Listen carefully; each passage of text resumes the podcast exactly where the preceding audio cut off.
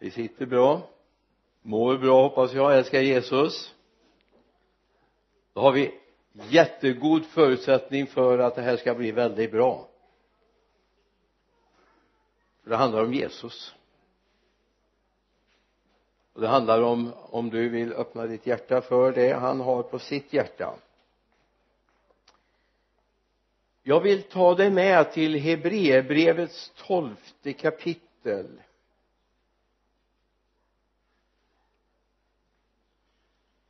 Det säger författaren så här. När vi nu har en så stor sky av vittnen omkring oss låt oss då lägga bort allt som tynger och särskilt synden som snärjer oss så hårt och löpa uthålligt i det lopp vi har framför oss.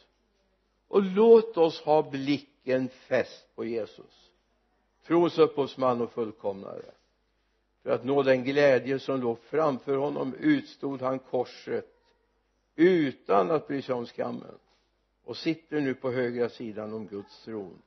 Tänk på honom som fick utstå sådan fiendskap från syndare så att ni inte tröttnar och tappar modet.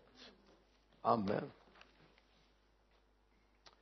Herre jag ber att ditt ord ska få röra vid oss idag herre hjälp oss att vara fokuserade på dig. Hjälp oss att ha blicken fäst mot dig Jesus. Jag ber. Amen. Amen.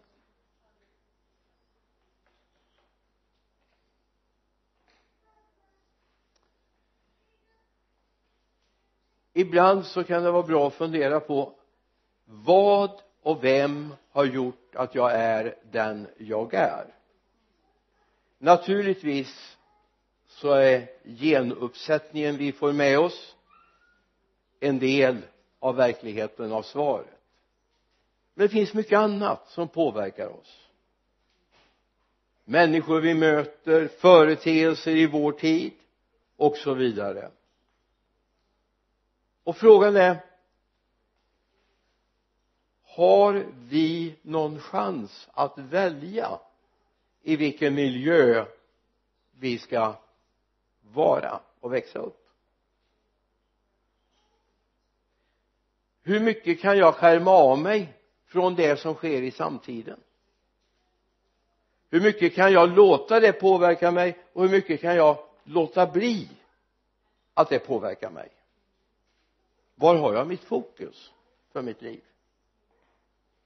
Jag hoppas du är medveten om att du faktiskt har ett ansvar för både vad du fyller upp dig med.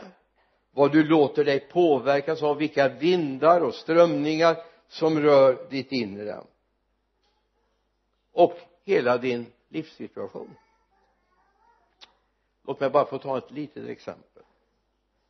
Det finns ju en anledning till att företag affärer etc spenderar miljarder på att annonsera göra reklam produktplacera i tv-program och filmer. Det finns ju någonstans av en logik i det här va? Men det finns ju inget företag. Jag menar jag är uppvuxen inom företagarvärlden. Jag vet hur man tänker. Det är klart man spenderar inte några miljoner på ett år om det inte vore till nytta? Självklart inte. Och inte skulle man nästa sig in i tv-produktionerna heller och säga att ja men vi kan ställa den och den bilen vi kan ställa och det, det kläderna till förfogande till ett hyfsat pris så att eran produktion blir billigare. Det är inte för inte som tv-sofforna ser ut som de gör och de grejer som finns på borden det här är inte sånt rekvisita som alltid tv-bolagen och filmbyråerna själva skaffar fram utan det placeras där. Varför då? Därför det påverkar oss. Jag hörde en undersökning från 70-talet och jag tänkte ja men den är för gammal så den kan jag inte använda. Men så hörde jag det här har gjorts om på 2000-talet man eh, hade en stor en film som gick i New York och eh, i Washington en sån där riktigt storsäljande film som hade fulla hus. Och då bad man från ett institut att få göra ett experiment. Man klippte in en sextondels sekund ett antal gånger i filmen. Osynligt för ögat. Och då gjorde man så att man tog en en eh, hamburgerrestaurang någon kilometer åt ena hållet först körde det en vecka och så kunde man mäta frekvensen hur det gick upp. Man hade ett par veckor man inte hade någonting inklippt och så efter ytterligare tre veckor så klippte man in för en hamburgerkedja åt andra hållet. Och så gick det upp. Alltså vi påverkas. Så tro inte att du inte är påverkad av vad du väljer att se eller lyssna på du påverkas. Och då är det viktigt att vi är medvetna om att det finns en till som gärna vill påverka oss men då på ett positivt sätt. Inte för att vi ska köpa mer utan för att vi ska älska mer. Och det här är viktigt att vi får med oss. Du väljer vad du ser på du väljer vad du fyller dig med vilken musik du lyssnar på vilka tv-program du ser. Ja men du är inte neutral mark utan det finns någonting som vill påverka dig. Du har kontroll över din framtid. Och du har en kontroll över vem du vill bli. En gudsmänniska eller bara en världsmedborgare det är ett svar du själv ställer genom hur du väljer. Låt oss ha blicken fäst vid Jesus. Och inte vilken Jesus som helst utan han som är trons hövding och fullkomnare. Han som är den fullkomlige. Och det är inte för inte som det står att anpassa inte efter den här världen säger Paulus. Utan låt er sinne förnyas låt ert sinne förnyas. Varför då? Jo för att ni ska kunna pröva vad som är gott och välbehagligt och det som Gud älskar. Inte bara först och främst det du älskar utan det Gud älskar. Kom ihåg du är en marknadsplats för krafter. Men du väljer om du vänder ditt öra till honom din blick till honom eller till den här världen. Du blir det du ser på. Du blir det du umgås med. Du blir det du fyller ditt hjärta med. Och jag vill fylla mitt hjärta med honom. Kungarnas kung och herrarnas herre. Han som dog på ett kors för min skull. Hans liv, hans tankar vill jag fylla, fylla mig med tyvärr är det så här idag i den värld vi lever i idag. Det fanns inte när jag var ung inte på det sättet.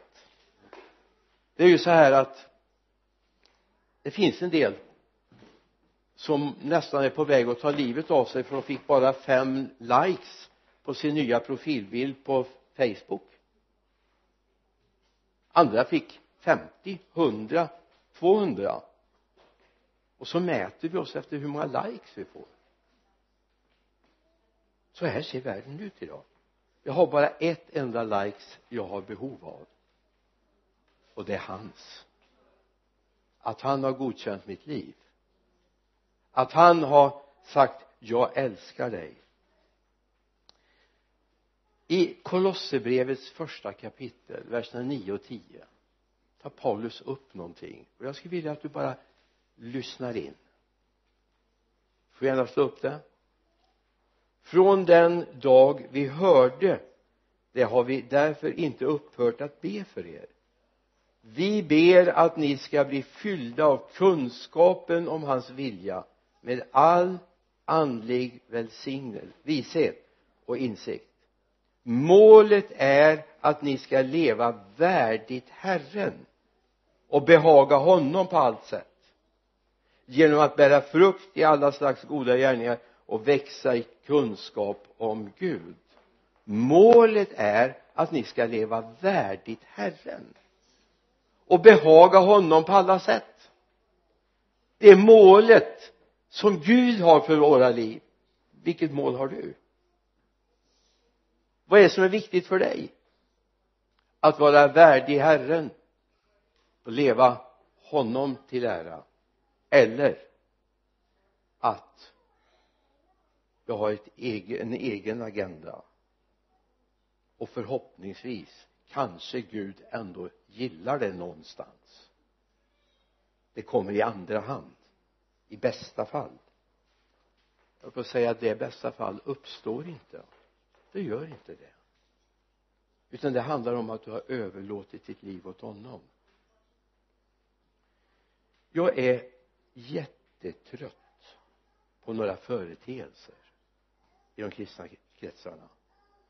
Jag är jättetrött på allt artisteri. Jag är jättetrött på det. Kyrkorna är inte en plats för konserter och artister. Det är en plats för gudstillbedjan. Det andra hör världens marknad till. Det är inte så att det är en businessmarknad att vara i Guds hus utan det är en plats där vi ska leva honom till behag. Ha blicken fäst på Jesus. Ha blicken fäst på Jesus. Trons hövding och fullkomnare. Han som utstår lidande för oss. Tänk på honom. Tänk på honom. I romarbrevets fjortonde kapitel vers 7 8 så säger Paulus här. Ingen le, ingen av oss lever för sig själv. Och ingen dör för sig själv. Lever vi så lever vi för Herren. Dör vi så dör vi för Herren. Vare sig vi lever eller dör tillhör vi alltså Herren? Kristus har dött och fått liv igen för att vara herre över både levande och döda ja, det här är liksom ju liksom kanske lite överkurs va? Men vi har på något sätt satt in oss i en bubbla här att ja men nu lever vi de här 80, 90, 100, 200 nej 120 åren kanske i bästa fall. Men faktum är så här vår tillhörighet är hans även när vi dör. Så lever vi så lever vi här. Om vi dör så dör vi för Herren allt vilar i hans händer. Vi lever inte för oss själva för att berika oss oss själva utan för att förhärliga honom. En liten enkel eh, bild. Vi får flytta tillbaka några år nu då. När jag hade nytaget körkort då är vi framme eller tillbaka på 64 i oktober månad fick jag körkort. Jag hade inte råd att skaffa bil men det var ju kul att ut och köra. Enormt kul att köra. Och framförallt så det där gänget ungdomar som jag umgicks med i kyrkan det var inte så många som hade körkort jag hade det och kanske någon till. Så pappa sa så här du får låna våran bil. Och det var en firmabil med dekaler och grejer på. Och det är klart det var ju inte kanske den häftigaste bilen att åka runt på. Absolut inte. Men det var gott om plats. Det var rattväxel och tre kunde sitta om inte fyra i framsätet och det fanns inga bältestvång. Så eh, vi var väl en åtta, nio som drog iväg i den där Ford Taunusen och eh, ja, vi kom fram och vi kom dit vi skulle. Vi åkte på nattmöten och vi åkte runt i kaféer och fikade efter. Och vi fick med ett bra gäng till och med någon gång så på den tiden så var det ju inte så noga vilka som satt det var sådär där bagage där bak också. Vi kunde krypa in en tre, fyra stycken där också. Så vi var ju en hel församling som åkte runt. Men varje gång jag fick nyckeln av pappa så sa han ett och detsamma. Tänk på att det här är en firmabil. När du är ute och kör så representerar du vårt företag. Du representerar det levebröd vi lever av. Om du inte stannar vid övergångsstället släpper över gamla damen så kan hon ju vara en kund som slutar handla hos oss. Om du kör vårdslöst så ser de ju vems bil det är och tänker nej dit går vi inte och handlar. Vi hade en massa sådana här förhållningsorder egentligen led jag ju inte speciellt mycket av det även om det var väldigt roligt att trampa på den där högra pedalen. Den den, ja den, den var väldigt rolig att trampa på. De andra vet jag inte riktigt vad man skulle ha till men eh, den var bra. Och kanske inte alltid man såg den där skylten. Det stod 5-0 på som rund ring och svart text och gul botten det kan ju hända att det gick någon kilometer men man hade inte de där radarkontrollerna då. Men jag har tänkt på det här. Tänk på att du representerar vårt företag när du är ute med den här bilen. Får jag skicka med någonting? Som Guds barn som kristen så representerar du någon med ditt liv det ska väl inte vara så här att man säger ja men han, hon är kristen. Ja då ser man ju hur de är. Det finns tillräckligt många som säger det ändå. Jag representerar det allra högsta som finns. Jag menar okej okay, om vi miste en kund eller ett par kunder hemma i företaget det kanske vi kunde leva med. Men kan jag leva med att jag med mitt liv stöter bort människor från honom kungarnas kung och herrarnas herre? Frågan. Ta med den. Det ska inte bli en gärningslära men jag ska veta vem jag representerar med mitt liv. Det är viktigt med positiva förebilder. Jag hade det när jag växte upp som nykristen. Jag är väldigt tacksam för Joel Blomqvist som tog hand om mig. Jag tyckte ju han var jättegammal. Jag tänkte han bor snart på ålderdomshem ända tills jag gjorde praktik hemma på bruket som eh, nyutbildad elektriker. Och så mötte jag honom där på bruket och tänkte vad gör han här? Han borde ju vara på ålderdomshemmet. Men han var ju inte mer än strax vid 40 så att det är klart det var väl lite tid att komma till ålderdomshemmet då förmodar jag. Men Paulus säger någonting. I första Korinthierbrevet 11 och 1 första Korinthierbrevet 11 och 1 följ mitt exempel liksom jag följer Kristi exempel. Följ mitt exempel liksom jag följer Kristi exempel. Paulus kunde ju ha sagt så här kära vänner kolla inte på mig kolla på Jesus titta på Jesus se inte på mig. Men det säger han inte. Han är medveten om att som han är som han lever som han gör så representerar han Jesus Kristus. Följ mitt exempel. Frågan är vågar vi säga det? Har vi så mycket koll på vårt liv så vi kan säga det? Följ mitt exempel som jag följer Kristi exempel. Så att vi representerar honom med våra liv. Och Gud hjälp oss. Det är en bön vi bör ha i våra hjärtan och våra liv. När jag var barn så sjöng man en sång som jag undrar hur många av er som skulle förstå idag ja men texten är inte svår. Men hur mycket kan vi av budskapet i texten? Alltså det här med genustänkande har inte kommit in ändå. Det är lika bra att tala om det att jag är liksom lite stenåldersmänniska i det avseendet. Men vi sjöng så här jag vill likna Daniel och jag vill likna Rut. Jag vill likna Daniel och jag vill likna Rut. För Daniel var en modig man och Rut hon var så god och sann. Jag vill likna Daniel och jag vill likna Rut. Mm. vad säger det er? Hur många känner Daniel från bibeln? Vet någonting om honom? Daniel ja. Han var en modig man eller hur? Mm. hur många kan lite grann om eh, Nomis sonhustru Rut? Amen. Alltså det, det går ju åt att vi vet lite grann va annars kan vi ju inte sjunga den sången.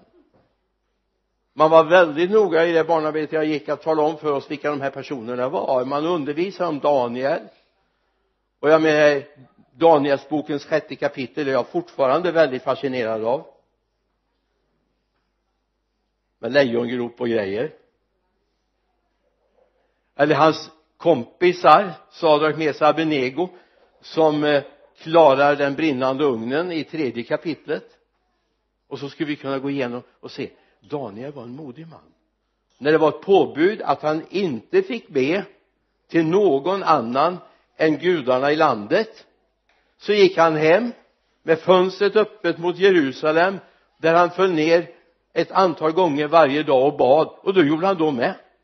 Käre Gud nu har de på, hittat på något dumt här men jag vill prisa dig Gud. Du är Israels Gud. Och så smyger de in och så hör de ja han ber till sin Gud. Men han klarar lejongropen också. Nej han klarar inte. Hans Gud klarade lejongropen. Det är viktigt att komma ihåg. Hans Gud klarade. Det eller Rut som egentligen kommer ur ett helt annat folk. Som eh, är gift med en son till Nomi som är en hebreiska. Och när hennes man, alltså Nomis son, dör så beslutar hon sig för att vara trogen Nomi. Hon följer henne hem till Nomis land. Och där finns en Boas. Ja jag ska inte ta hela storyn nu. Hem och läs Ruts bok. Den är spännande och beskriver någonting av trohet. Vad är det man sjunger? Jag vill likna Daniel. Jag vill vara en modig man som inte kompromissar med det som finns i den här världen. Jag vill vara en Rut som är trofast. Okej okay, det blåser vindar till och med dödsfall kommer in men jag står stadigt. Och jag är med Nomi. Jag har vikt mitt liv åt det folket du har liv, ditt liv åt din Gud. Visas det också i den praktiska handlingen? Låt oss ha blicken fäst vid Jesus. Trons hövding och fullkomnare. I det beslutet finns en hemlighet. Därför jag ser in i verkligheten själv. Vi kommer till det om en stund. Kristus representerar någonting. Alltså hela skapelsen är ju skapad till honom. Och när du ser upp till honom så ser du upp till honom som är själva grundmodellen för våra liv. Men jag vet inte om ni följer med nyhetssändningarna. Vi vet att det är val i ett land idag. Ni vet att det släpptes lite hackad eh, ja det låter hackade uppgifter. Ja det låter ju lite underligt. Eh, det har varit en hackerattack mot eh, en av presidentkandidaterna och så har man blandat det som är sant och det som är osant och så har man börjat föra ut det på sociala medier. Ni vet att det var också en väldig diskussion i USA vid det valet. Man försöker påverka. Låt mig få säga det här kom djävulen på för många, många, många tusen år sedan. Han kom på att sprida halvsanningar, lögner och sanningar i en väldig blandning. Och det här håller han på med än. Därför kan vi möta det som är nästan sant men ändå är lögn. Vi kan möta det som faktiskt är sant men i en falsk förpackning. Och så skapar det förvirring. Vi vet ju att Jesus ska komma tillbaka, eller hur? Det känner du till? I Matteus 24 23 26 om någon då säger till er här är Messias eller där är han tro det inte falska messiasgestalter och falska profeter ska träda fram och göra stora tecken och under för att om möjligt bedra även de utvalda. Jag har nu sagt det till er i förväg. Om de säger till er han är i öknen så gå inte dit. Eller han är i de inre rummen så tro det inte falska uppgifter om någonting som ska bli sant. Är du med? En dag ska han återvända. Nu ska han inte i första skedet återvända och ställa sina fötter på jorden. I första skedet ska vi möta honom i skyn. Och det är viktigt att komma ihåg. Alltså du ska kunna din bibel för att inte gå på falska läror. Du ska kunna din bibel. Och jag menar har vi någonting att tacka reformationen för ja men det var ju lite före oss. Det är ju 1500-tal nu då men det är lite för det var att det var godkänt att läsa bibeln på sitt eget språk. Det är godkänt att läsa bibeln och fundera. Sen höll man på ända på, på 1800-talet i vårt land och hade konventikel plakat som förbjöd människor att hålla gudstjänst utan en prästvigd närvarande. Det var ju bara dumheter men så var det. Och då började församlingar med det. Började församlingar på 1700-talet friförsamlingar i vårt land. Pietiströrelsen kom på 1730-talet ungefär. Det är så gott att du faktiskt det är godkänt att du på morgonen tar fram din bibel och läser den. Och dricker in av den. Även om du inte kan hela teologin och vad varje vers säger i bibeln så får du börja läsa. För börjar du inte läsa så kommer du aldrig förstå vad versarna vad det står i versarna. Det är en förutsättning, eller hur? Jag tycker det är underbart att vi har kommit så. Men det är första förutsättningen för att inte drabbas av falska profeter. Eller av de som försöker föra in falska läror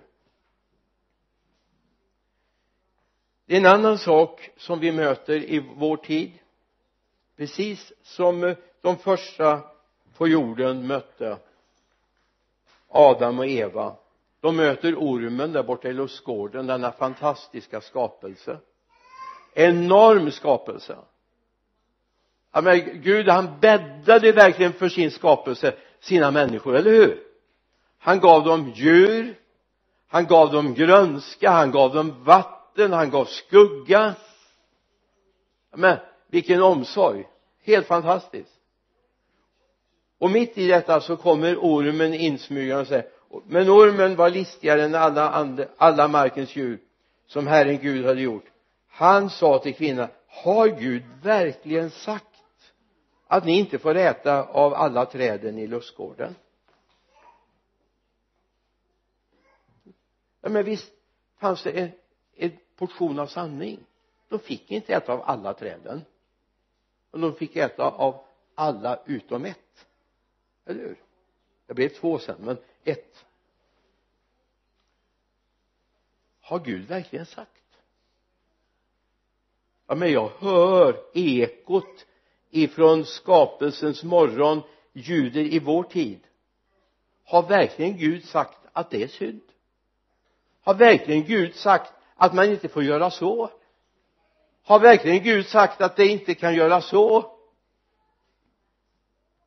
Jag ska inte ta exempel jag ska kunna exemplifiera. Nej faktiskt Gud har inte sagt allt som människor påstår. För människor drar ut konsekvenserna för att vilseföra människor. Det är liksom hans syfte. Han är där och försöker stoppa in det som är falskt i vårt sätt att se. I Markus 13 verserna 5 och 6 då börjar Jesus tala till dem. Se till att ingen bedrar er. Många ska komma i mitt namn och säga jag är Messias. Och det ska bedra många. Än en gång. Vill du leva tryggt och leva sant läs din bibel. Läs din bibel. Umgås med ordet. Ja men det är svårt. Ja det vad är det som sagt att det ska vara lätt? Men nu är det så här bibeln är som ett pussel. Det vill till få dit rätt bitar först och den viktigaste biten att få dit det är Jesus. För Jesus finns i nya testamentet Jesus finns i gamla testamentet. Men känner du inte nya Testamentet Jesus kommer du inte upptäcka honom i gamla testamentet. Och när du läser evangelierna jag menar här kommer samma saker fyra gånger. I stort sett det vill säga Matteus, Markus, Lukas är ganska lika. Men kom ihåg att vissa av dem förutsätter en judisk kontext. Det är därför vi har fyra. När jag råder människor att börja läsa bibeln nu är det på grund av att jag själv är lite lat. Jag menar, ni får ta med det. Det är att läs Markus evangeliet. Det är 16 kapitel. Och du hinner inte ur första kapitlet förrän det har skett under och tecken och Jesus har manifesterat sin makt. Verkligen. Det går hem hos mig i alla fall. Se att Jesus är verksam. Nu har jag kommit över det stadiet så nu läser jag ju naturligtvis de andra evangelierna också och jag gör det med stor glädje och tacksamhet. Jag läser romarbrevet med jublande glädje. Det är ju inte ett evangelium men jo det är det. Det är ett evangelium romarbrevet är ett evangelium. Det är ett glädjebudskap. Det är inte kört för judarna till exempel elfte kapitlet va? Sin kallelse har han inte ångrat. Ja underbart. Paulus säger, jag bara citerar utan till förut i romarbrevets tolfte kapitel vers 2 och anpassa er inte efter den här världen utan låt er förvandlas genom förnyelsen av ert sinne så ni kan pröva vad som är Guds vilja. Det som är gott fullkomligt och behagar honom. Som själavårdare pastor så en av de vanligaste frågorna man får.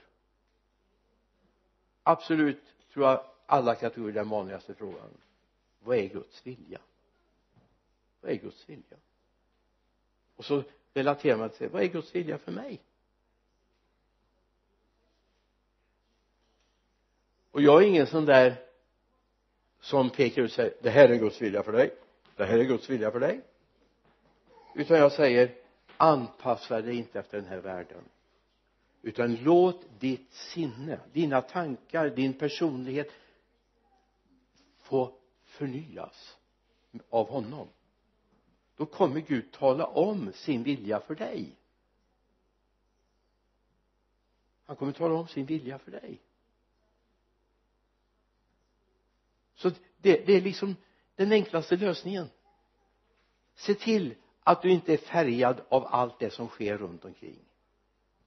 Varken i hur du talar, hur du klär dig, hur du beter dig utan ha ditt öra vänt uppåt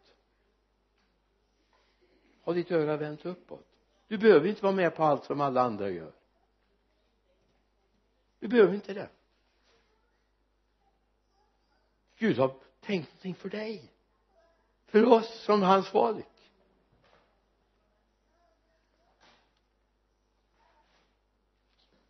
Ni vet man säger ibland så här.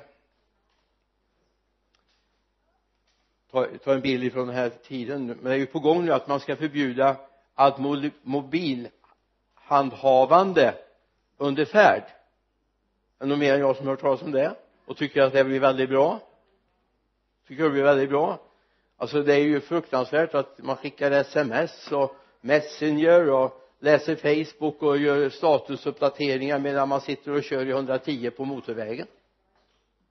Jag menar du vet 110 kilometer då förflyttar du nästan 30 meter per sekund.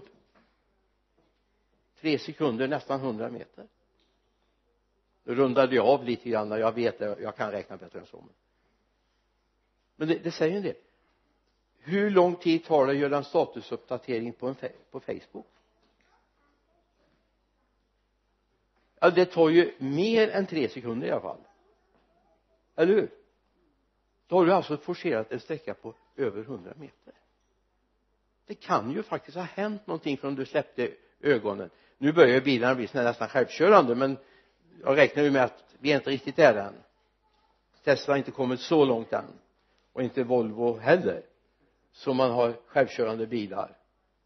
Den dagen tror jag inte jag vill vara ute på vägarna. Åtminstone inte så länge det finns barnsjukdomar på bilarna och sånt. Nej då håller jag mig hemma. Låser dörren.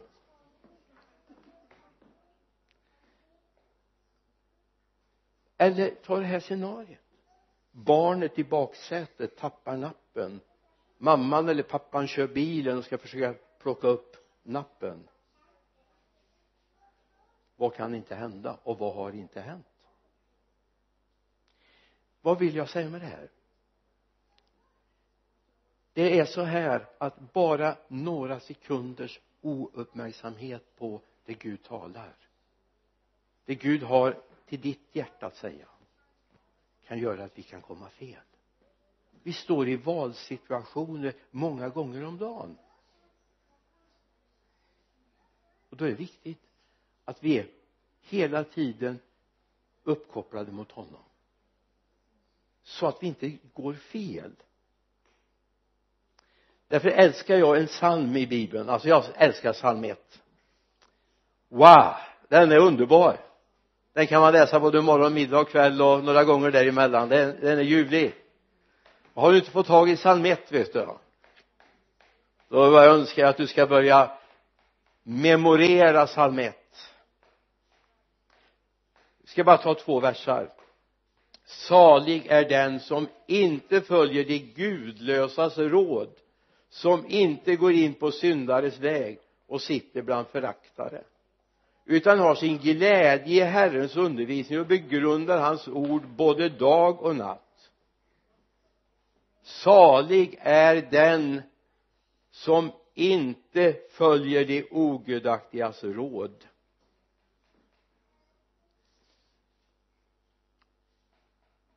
Fundera lite grann. Vad är ogudaktigas råd? Var möter du det? Ja förmodligen i modetidningar och nyhetsblaskor och hälsotips och jag säger inte att hälsotipsen är fel. Men mycket av det kommer ur människor som inte har satt Jesus först i sina liv. Det är ogudaktigas råd. Salig är den som inte följer de ogudaktigas råd eller gudlösas råd som inte går in på syndares väg och sitter bland föraktare. Hade en kamrat när jag var ganska nyfrälst. Vi satt på ett café hemma, Olssons café hemma i Mariestad. Det finns inte längre så jag kan nämna det. Det är liksom varken bad uh,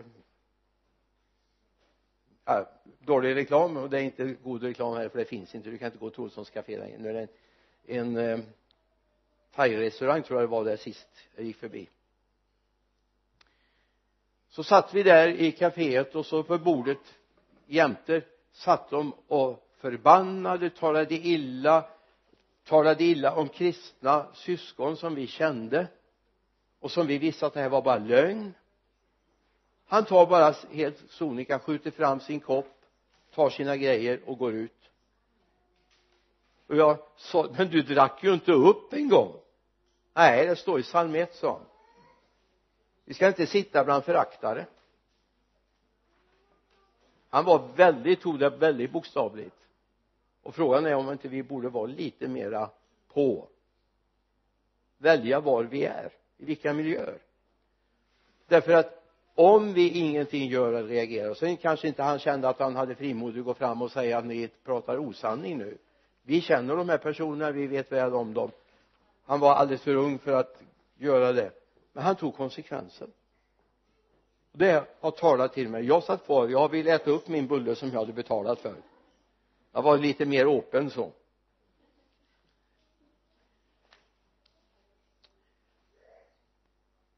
Det finns en annan sida som kan också vara ett bekymmer. Det är att man hamnar i en lagiskhet vad man än ska göra ska man ha bok, kapitel och vers för det. Och förstår inte att Gud faktiskt talar in i nuet. Han har inte slutat tala. Och det är viktigt också att vi har med oss det fäst blicken på Jesus. Amen. I honom vi går till Kolosserbrevets andra kapitel vers 17 versarna inne så står det om hur man lever hundra efter laggärningar. Så man kommer rätt. Och mat och dryck och kläder och allt det här det finns i verserna innan. Du kan läsa själv när du kommer hem. Då säger Paulus allt detta är en skugga av det som skulle komma. Men själva verkligheten är Kristus är det någon mer än jag som inser att det är skillnad på skugga och det som ger skuggan? Eller hur? Din skugga är inte du. Och du är inte din skugga. Du är en reell person, eller hur? Och du finns oavsett om solen lyser och ger skuggor eller ej va? Kristus är inte bara lagens fullkomna han är själva verkligheten. Han är själva verkligheten. Och den måste vi få tag i. Det är därför vi ska ha vår blick fäst på honom. Han finns. Han finns. Han inte bara fanns. Han finns. Se vad Hebreerbrevet 13.8 säger. Jesus Kristus är densamme igår, idag och i all evighet han finns. Han vandrar tillsammans med oss. När jag ber på min morgonbön eller min kvällsbön eller när jag känner behov av att bara få umgås med Gud jag har lärt mig med åren att att eh, när jag började mitt böneliv det här ska vi tala om lite i eftermiddag när vi kommer till Lidköping men jag får ta det en annan gång här. Alltså när jag började be då var det väldigt mycket behoven som styrde min bön nu behöver jag ha hjälp på jobbet nu behöver jag ha hjälp med ekonomin. Det är aldrig någon mer än jag som har bett om hjälp med ekonomin eller? Det är jag nog ganska ensam om. Nu behöver jag ha hjälp med den där arbetskompisen som är rätt så bökig och ställer till mycket problem etc etc alltså min, min bön var väldigt styrd. När jag jobbade hemma på pappersbruket som nyfrälst så var min bön väldigt styrd av behoven och jag, ärligt talat det blir en väldigt torftig bön. Det är som att göra Gud till en en sån där godisautomat va? Just när jag har ett behov nu kommer jag stoppa in lite bönor här så kan jag dra ut och få bönesvaret. Men en automat, en godisautomat eller kaffeautomat eller så den har man ingen relation till. Den känner man inte behov av att prata med det kanske finns den här moderna nu som man kan säga tack en kopp kaffe med socker och grädde så kommer det en sån. Har en sån här fantastisk funktion i min mobil. Jag kan säga eh, vägen till Örebro. Ett ögonblick säger den. Och så kommer en karta upp och vägbeskrivning. Jättebra.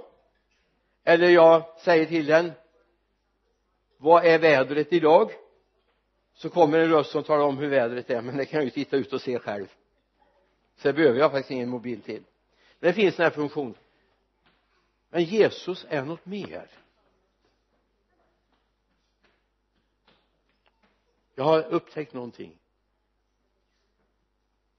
Ju längre jag vandrar med honom ju mindre del av min bön är behov ju mer av min bön har blivit att han är en person som jag har en relation med som jag kan få tala om jag älskar dig Jesus. Tack Jesus för att du var med mig. Fast jag inte bad dig om det så var du med mig. Fast jag inte ens hade tänkt på att jag behövde ropa om hjälp så var du där därför att jag är ditt barn och du har omsorg om mig.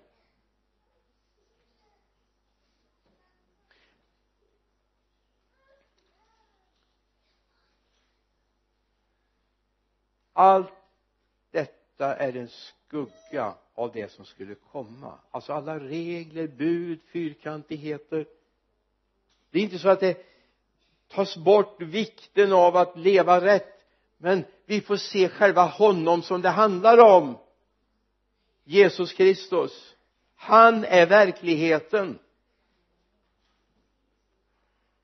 Jag är så tacksam för att när jag växte upp så mötte jag en som blev min mentor han stoppade för mig Guds ord. Han stöttade mig när jag hade problem. Det var som han alltid visste om för innan jag han berättade om. Han visste om mina problem. Och då kommer ett ord i första Korinthierbrevets fjärde kapitel till mig verserna 14 och 15 jag skriver inte det här för att få er att skämmas utan för att förmana er som mina älskade barn. För även om ni skulle ha tiotusentals uppfostrare i Kristus så har ni ändå inte många fäder. Det var jag som i Kristus Jesus födde er till liv genom evangeliet. Det är skillnad på ett faderskap och en uppfostrare. Fadern representerar den som Jesus berättar om som väntar på den förlorade sonen. Vi vet inte hur länge den förlorade sonen var borta men ett vet vi. När han återvände då fanns far där och tog emot honom. Och jag tror att det är viktigt att vi ser att en far älskar även när det har misslyckats en uppfostrare kommer med piskan och säger varför gjorde du så? Det blir lite hinduism över det hela. Regler, lev så här. Men misslyckas du då är det kört. Då kommer alla att tala om hur misslyckad du är, hur fel du har gjort. Men Jesus står där och säger välkommen mitt barn. Kom låt oss gå till rätta med varandra om än dina synder är röda av schalak, som scharlakan så kan de bli vita som vita ull det är min Jesus där. Honom ska vi ha blicken fäst på. Och för att komma dit nu börjar jag gå in. Jag har bara hälften kvar nu. Går det bra? Det är några sidor kvar här men det går bra va? Nej så, så farligt är det inte om du ska börja få ett umgänge med honom om du ska börja lära känna vem Jesus verkligen är du kan läsa om honom, det är underbart, det är fantastiskt att få läsa evangelierna, få läsa vad eh, apostlarna säger om Jesus vad gamla testamentet speglar och talar om sån här är han. Till exempel Jesaja bokens 53 kapitel. Ta tid med Jesus. Om du har någon som du vill lära känna vill eh, dela ditt liv med till exempel så tar ni tid för att lära känna varandra, eller hur? Det är ju inte det här med giftermål vid första ögonkastet eller vad det heter den där tv-serien som jag tycker är helt fruktansvärd. Det handlar om mer men ska jag umgås med honom och bli trygg med Jesus? Ta tid med honom. Ta tid med honom. David kungen. Vi vet att han misslyckades. Vi vet det. Vi skulle kunna använda mycket tid för att tala om detta fruktansvärda. Men det finns något hos denna luttrade man som har fått uppleva vad nåd är upprättelse. Här psalm 16 bland annat. Bara några verser från vers 5 Herren är min lott och min bägare. Du tryggar min arvedel. En ljuvlig lott har tillfallit mig. Ett underbart arv har jag fått. Jag prisar Herren som ger mig råd även mitt inre förmanar mig om natten. Jag har alltid Herren för ögonen. Han är vid min högra sida jag vacklar inte. Därför gläds mitt hjärta och jublar min ära. Även min kropp får vila i trygghet. För du lämnar inte min själ åt dödsriket. Du låter inte din helige se förgängelsen. Nu handlar det sista om Jesus det vill säga men Jesus tappar inte bort oss. Jag har alltid Herren för ögonen. Vad har du för ögonen? Pengar? Karriär? Att vara omtyckt av människor? Vad har du för ögonen? Var populär?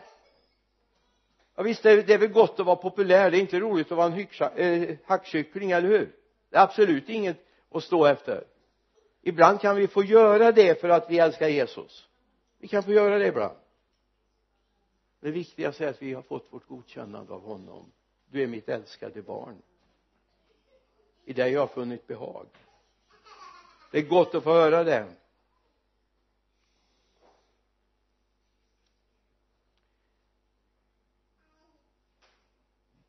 Det är viktigt att vi genom livet inte fångas upp av det som vill ta oss bort ifrån centrumet Jesus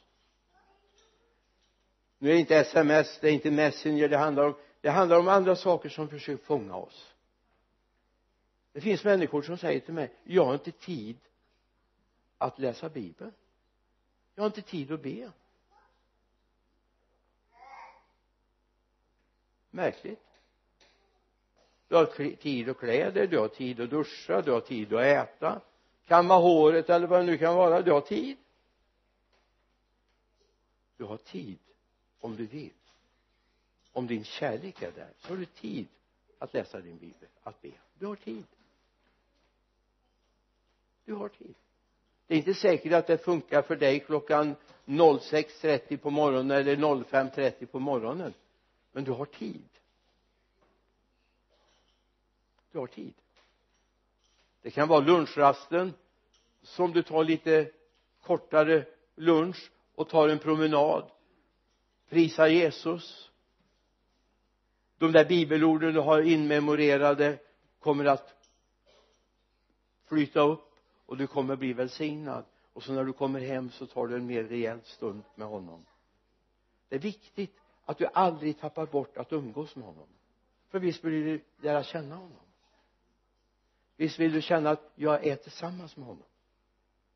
Jag är hans och han är min för nu och för evigt. Amen. Jesus tack för att du vill låta det här få landa i våra hjärtan. Hjälp oss här att bära det här med oss. Att vi inte låter oss fångas upp av det som händer den här tiden. Herre du är evigt modern och du är evigt gammalmodig. Och med dig vill vi vara.